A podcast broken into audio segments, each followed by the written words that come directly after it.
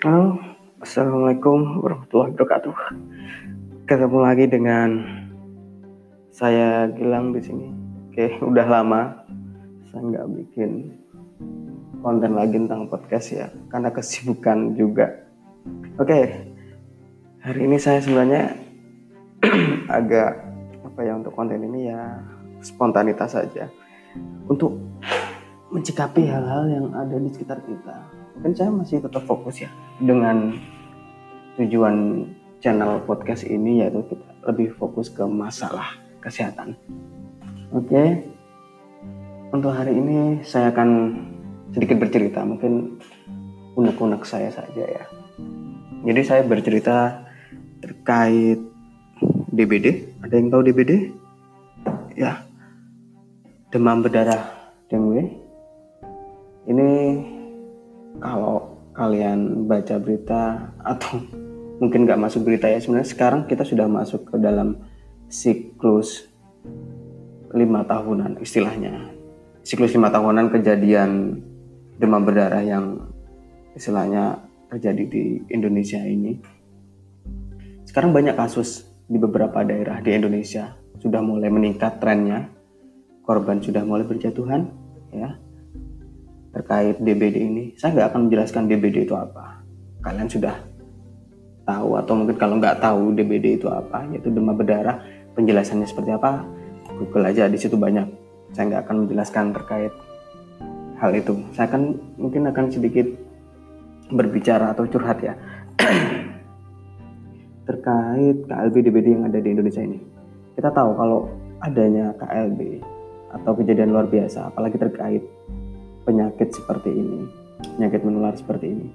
Ini adalah tanggung jawab pemerintah, ya. Saya akan sedikit bercerita bagaimana sikap pemerintah sekarang ini. Baiklah, DBD saya kembali ke awal dulu. Pembukaan DBD kan demam berdarah ya, diabatkan oleh nyamuk Aedes aegypti, dia yang menyebarkan virusnya ke istilahnya ke pasien lain. Jadi ada orang sakit DBD ada dihinggap nyamuk digigit oleh nyamuk Aedes aegypti kemudian nyamuk itu gigit orang lain dan orang lain terinfeksi. Mudahnya seperti itu. Oke saya akan bicara cara mencegah. Oke. Cara mencegah DBD itu. Oke saya akan saya nggak akan bercerita cara mengobati. Kalau mengobati jelas bawa aja ke tempat pengobatan atau di rumah sakit. Di sana kan sudah ada ditangani oleh tenaga kesehatan yang berkompeten. Bagaimana cara kita mencegah DBD? Ya, apa yang bisa kita lakukan? Oke, sebagai masyarakat umum atau awam, apa yang bisa kita lakukan untuk mencegah hal ini terjadi? Atau mungkin dari rekan-rekan sekalian ada yang semoga tidak ada ya, saudaranya atau teman atau siapa pun itu yang kalian kenal terinfeksi DBD atau sekarang dirawat di rumah sakit semoga cepat sembuh atau bahkan punya teman dulu yang istilahnya sudah mohon maaf sudah meninggal karena DBD. Kalau ada seperti itu mungkin berita ini mungkin perlu teman-teman perhatikan juga. Oke, DBD sebenarnya kita bisa saja mencegah hal itu ya. Saya akan fokus di sini adalah mencegah. Karena di sini kalau kita berbicara mengobati, ada tenaga medis. Kalau mencegah, semua orang bisa mencegah hal ini dengan cara memotong siklusnya. Itu kuncinya di situ. Kita memotong siklus dari nyamuk itu sendiri, vektornya. Kalau kita membunuh virusnya atau penyakitnya agak susah karena dia di dalam tubuh nyamuk. Jadi paling gampang yang membunuh nyamuk itu sendiri. Caranya adalah sebenarnya yang sudah dilakukan pemerintah sudah benar.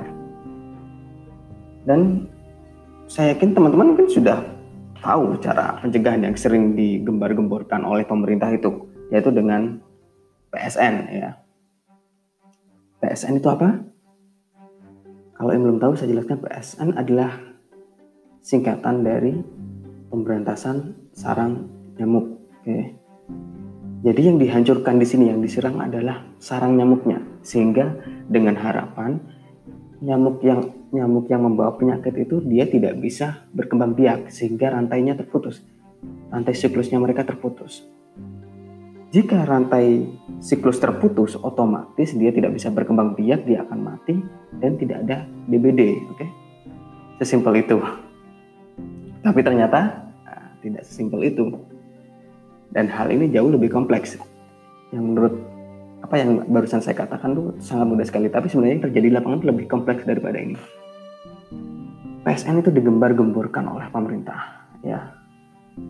Dan yang saya katakan di sini ada dua cara yang biasanya dilakukan pemerintah yaitu menggalak PSN, pemberantasan sarang nyamuk dan juga fogging. Tahu fogging yang semprot-semprot itu, ya? Yang nyemprot-semprot itu itu juga membunuh nyamuk. Namun saya katakan di sini, fogging itu adalah cara reaktif. Dia itu hanya membunuh nyamuk yang dewasa. Dia tidak membunuh larva yang ada di sekitar kita. Dan, nah ini saya cerita kegoblokannya. Mungkin gak kasar, tapi memang goblok bener. Dan yang goblok ini, maaf, goblok ini bukan karena dia tidak terpelajar ya.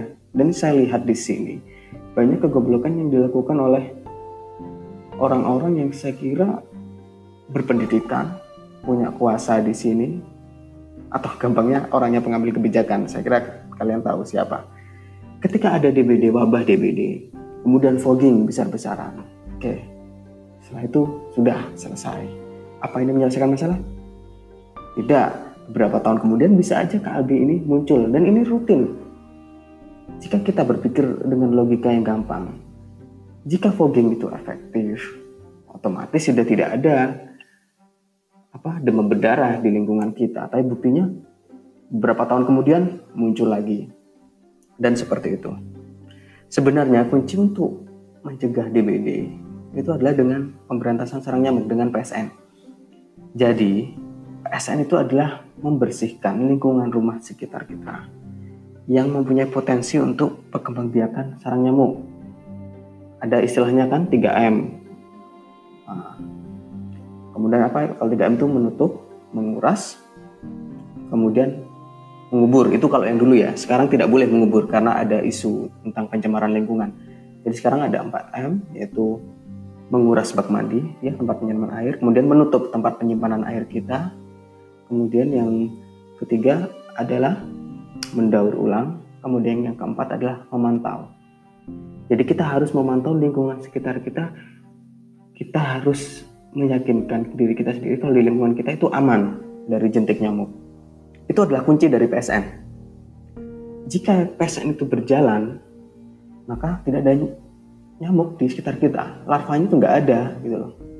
Dan siklus itu terputus. Tapi masalahnya gini, kadang orang nggak paham apa itu PSN. Ketika saya datang ke lapangan, kita ngeliat, oke okay, kita ada PSN bareng-bareng. Kemudian saya, saya lihat apa?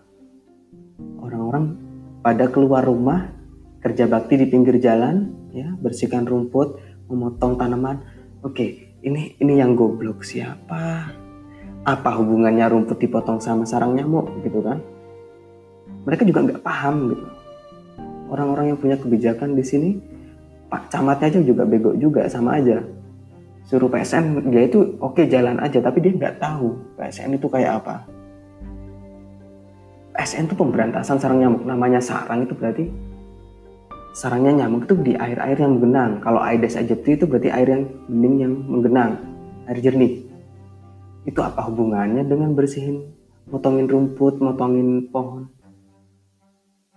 Kan goblok itu namanya. Saya juga nggak habis pikir logika mereka di mana. Mereka mengadakan PSN ketika sudah ada korban jatuh. Padahal PSN itu dilakukan jika istilahnya pada saat tidak ada kejadian DBD. Jadi itu yang dilakukan rutin setiap minggu sekali, minimal satu kali seminggu, membersihkan lingkungan rumah supaya bersih dari nyamuk. Kalau yang satu desa namanya misalnya ada 100 rumah, yang PSN cuma lima rumah, sama aja.